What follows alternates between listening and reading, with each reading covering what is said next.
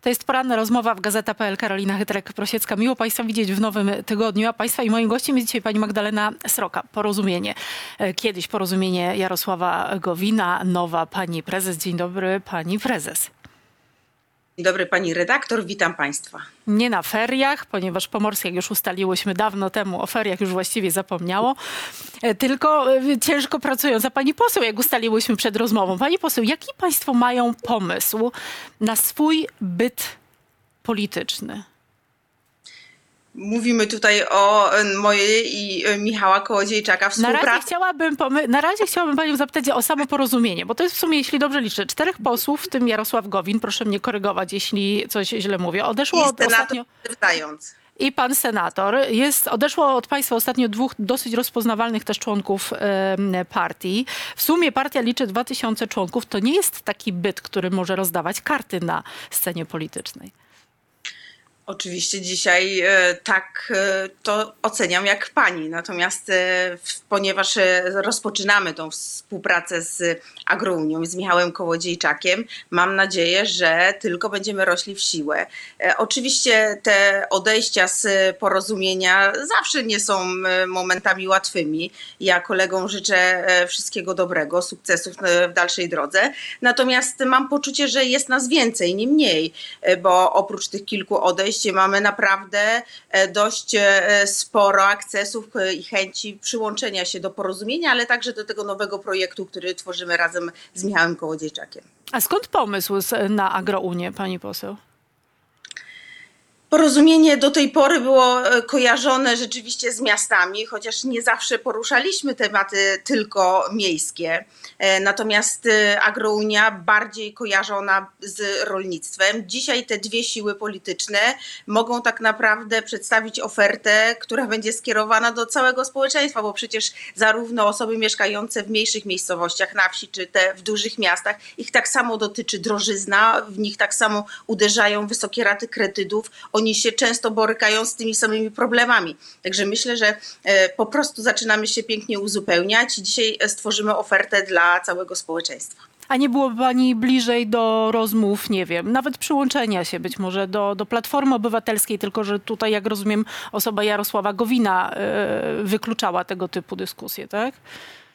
Dzisiaj podjęliśmy decyzję o współpracy, ponieważ za sobą mamy obydwoje chyba e, dość duże doświadczenia z PiSem i jesteśmy rozczarowani ich polityką. I dzisiaj chcemy zaprezentować i zaproponować takie rozwiązania, e, które będą ważne dla wszystkich, a przede wszystkim dla tych, którzy zawiedli się prawem i sprawiedliwością. Jesteśmy e, różni, ale pięknie się uzupełniamy. No ale rozumiem, że państwo nie będą planowali pójścia samodzielnie do wyborów, tylko z kimś. A zatem z kim te rozmowy będą prowadzone? Bo jak rozumiem, po to e, państwo połączyli też siły, e, żeby móc trochę więcej. No nie, tutaj zaprzeczę. Dzisiaj naszym celem jest e, stworzenie wspólnych list e, do parlamentu na najbliższe wybory, ale także list samorządowych w kolejnych wyborach. I ja tutaj nie wykluczałabym i przekreślałabym, e, bo widzę tak naprawdę, jak duże zamieszanie wywołuje się wokół tego projektu, jak wiele osób początkowo sceptycznie, ale po chwili przemyślenia i spojrzenia na ten projekt jako na coś nowego na scenie politycznej, daje ogromne szanse, że tak naprawdę będziemy w stanie stworzyć e, samodzielnie listy. Ja jestem o tym dzisiaj przekonana, a e, zrobię wszystko, żeby przekonać się do tego jak największą część społeczeństwa. No ciężko jest mi wyobrazić, żeby z całym szacunkiem oczywiście, ale nawet jak patrzę na PSL, który jest wiele lat na scenie politycznej i w zasadzie od wyborów do wyborów ma problem z przekroczeniem progu 5%, ciężko mi sobie wyobrazić, że na kilka miesięcy przed państwo będą w stanie to zrobić, jeszcze łącząc no tak dosyć egzotyczny byt miejsko-wiejski.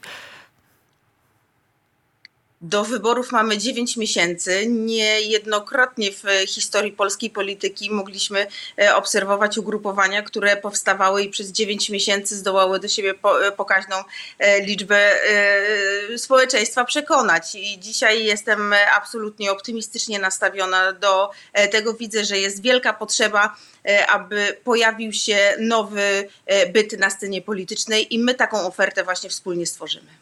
Ale na czym, co mają być takimi trzema głównymi punktami tej oferty? Do kogo ona ma być właściwie skierowana? Czy ona ma być skierowana do środowiska bardziej miejskiego, czy do środowiska bardziej wiejskiego? Ja tutaj nie będę rozgraniczała na pewno mieszkańców wsi i miast. Myślę, że wszyscy Ale potrzebują oni mają e, inne potrzeby, pani poseł. oferty.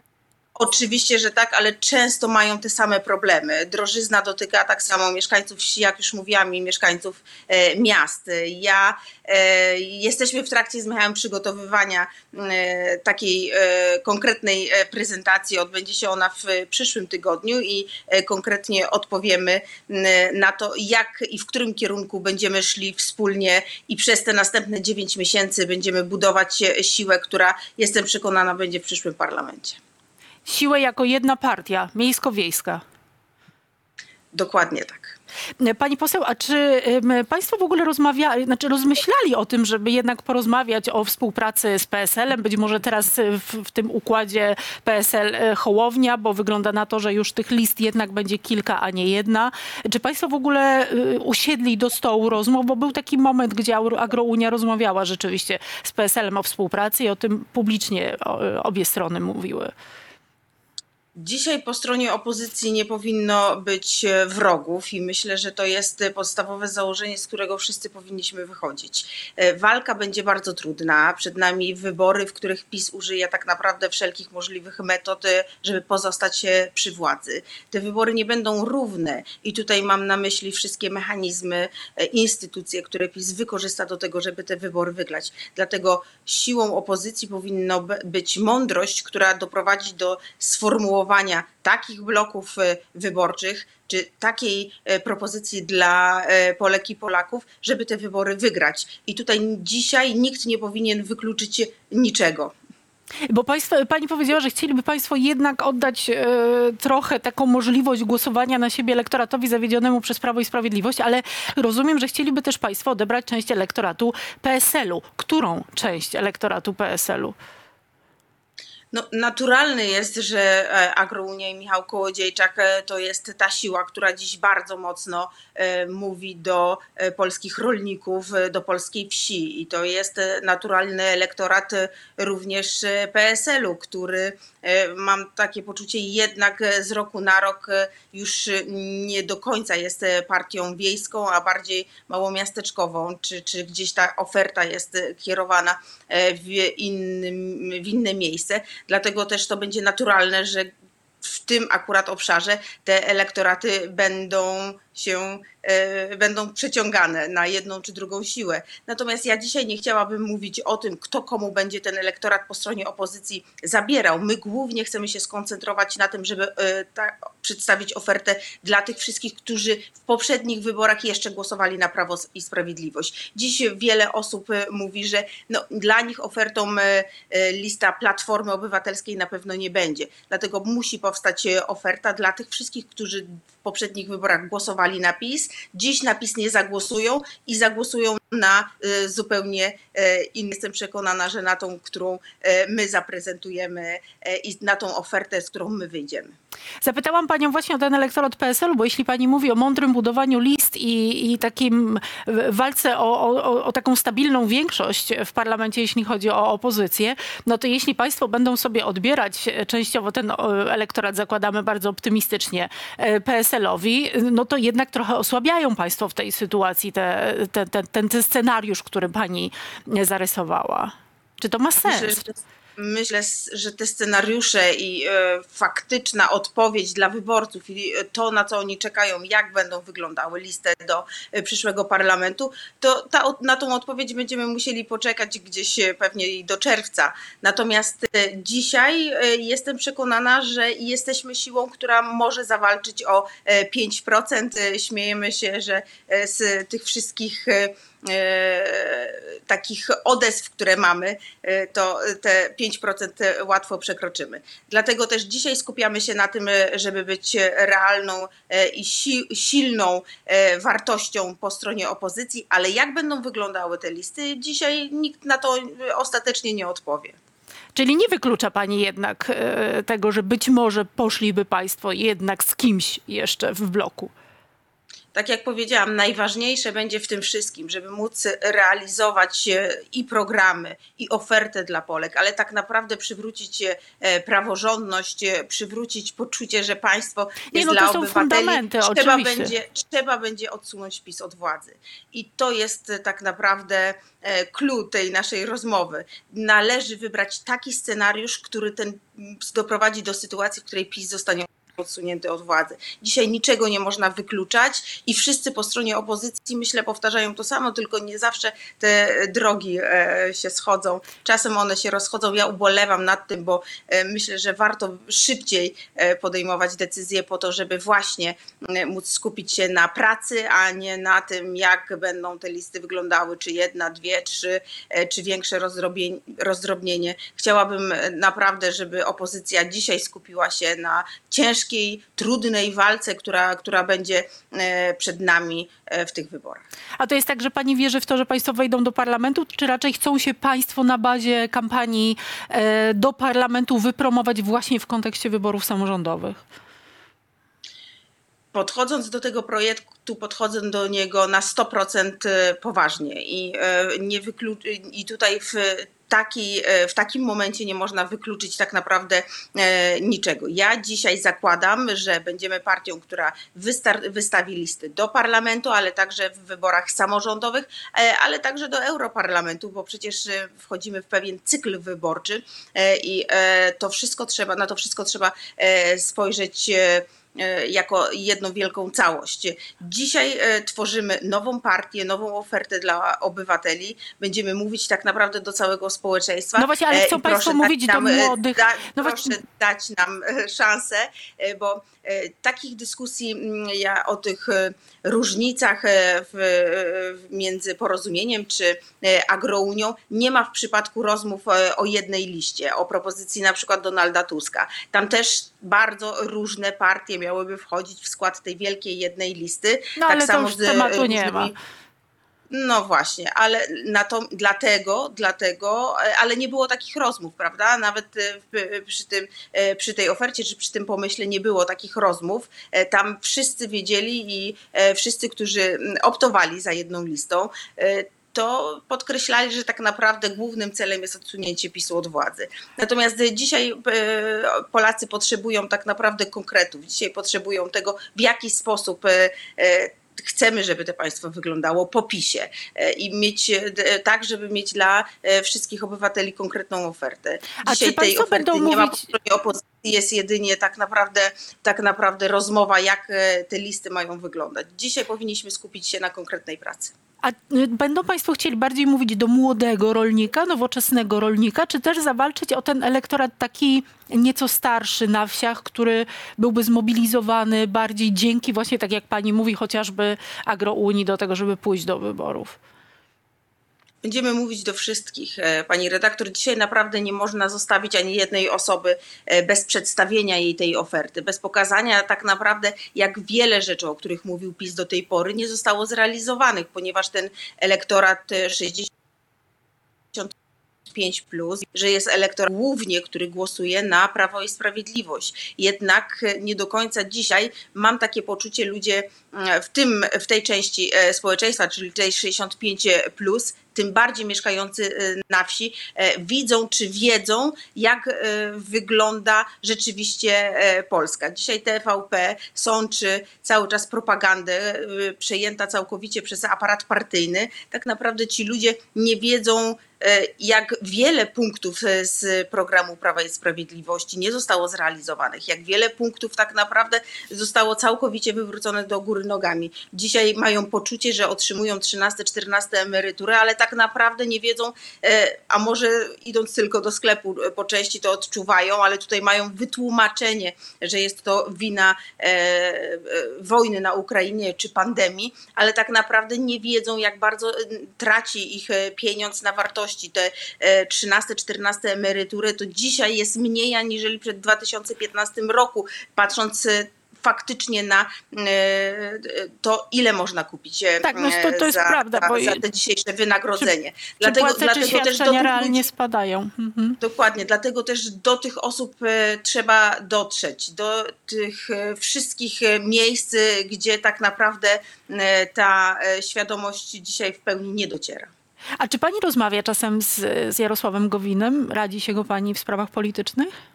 Oczywiście, że tak Jarosław Gowin jest e, częścią porozumienia. Jest człowiekiem, który stworzył środowisko dzisiaj ludzi naprawdę przyzwoitych, którzy przeszli e, no, e, bardzo wiele trudnych momentów. Wiedzą doskonale, jak działa PiS i jakich metod może używać w stosunku do swoich oponentów, czy tych wszystkich, którzy chcą mówić inaczej. Jarosław Gowin jest no, bardzo, bardzo ważnym elementem porozumienia dzisiaj. I nie żałuje tego, że tak, a nie inaczej poprowadził porozumienie, bo w zasadzie już otwarcie mówi się o tym, że jest to e, koniec e, kariery politycznej Jarosława Gowina. Ja bym nie przekreślała Jarosława Gowina. Mieliśmy w historii kilka przykładów polityków, którzy wydawałoby się na pewnym etapie, że już przechodzą do historii, a jednak bardzo dobrze sobie dalej radzą. Oczywiście błędy, które popełnione e, zostały, e, trzeba z nich wyciągać e, wnioski.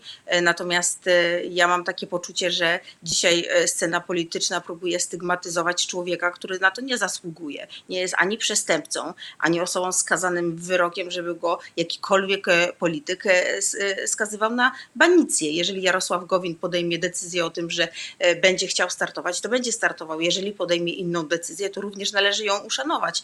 A tak naprawdę stygmatyzowanie człowieka, który przez wiele lat był na scenie politycznej, ma ogromne doświadczenie, mimo że popełnił błędy, uważam, że jest wysoce niesprawiedliwa, tym bardziej w ustach osób, które mówią o równości, często A z, na co dzień. Perspektywy czasu y, państwa zdaniem błędem było to, że poszli państwo ramię w ramię z Prawem i Sprawiedliwością? Prawo i Sprawiedliwość w pierwszej kadencji, e, prezentując swój program, który był również e, przez nas zaakceptowany, bo szliśmy jako porozumienie w bloku Zjednoczonej Prawicy, był zupełnie innym programem.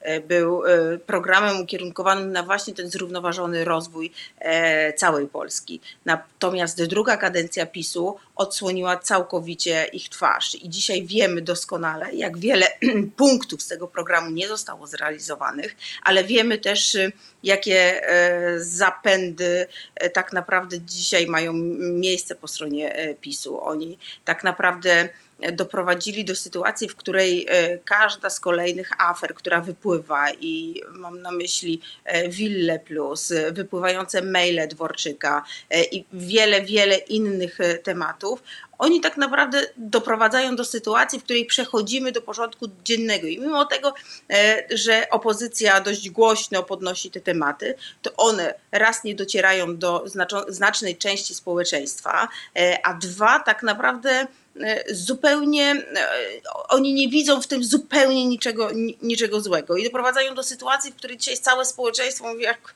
następna e, jakaś wyciągana afera przez e, opozycję, a tak naprawdę e, Prawo i Sprawiedliwość dzisiaj w tych sondażach ma dalej e, ponad 30% e, poparcia. Pani- To jest niepokojące, że tak naprawdę doszło do zawłaszczenia całego państwa, wszystkich instytucji i dzisiaj wmawia się wszystkim, że e, jest świetnie, a tak naprawdę wygląda to zupełnie inaczej. To, to w takim razie zapytam panią e, w, w kontekście tego e, zarządzania też, e, jak pani się podobała decyzja pana prezydenta Andrzeja Dudy odsyłająca do kontroli prewencyjnej, bo to też istotne, ustawę o Sądzie Najwyższym, czyli tak naprawdę znowu odsuwająca w czasie to KPO, ale to już czas jest wtórny w tym wszystkim. Jak pani to ocenia? Prezydent umył Prezydent ręce? odsunął Czy...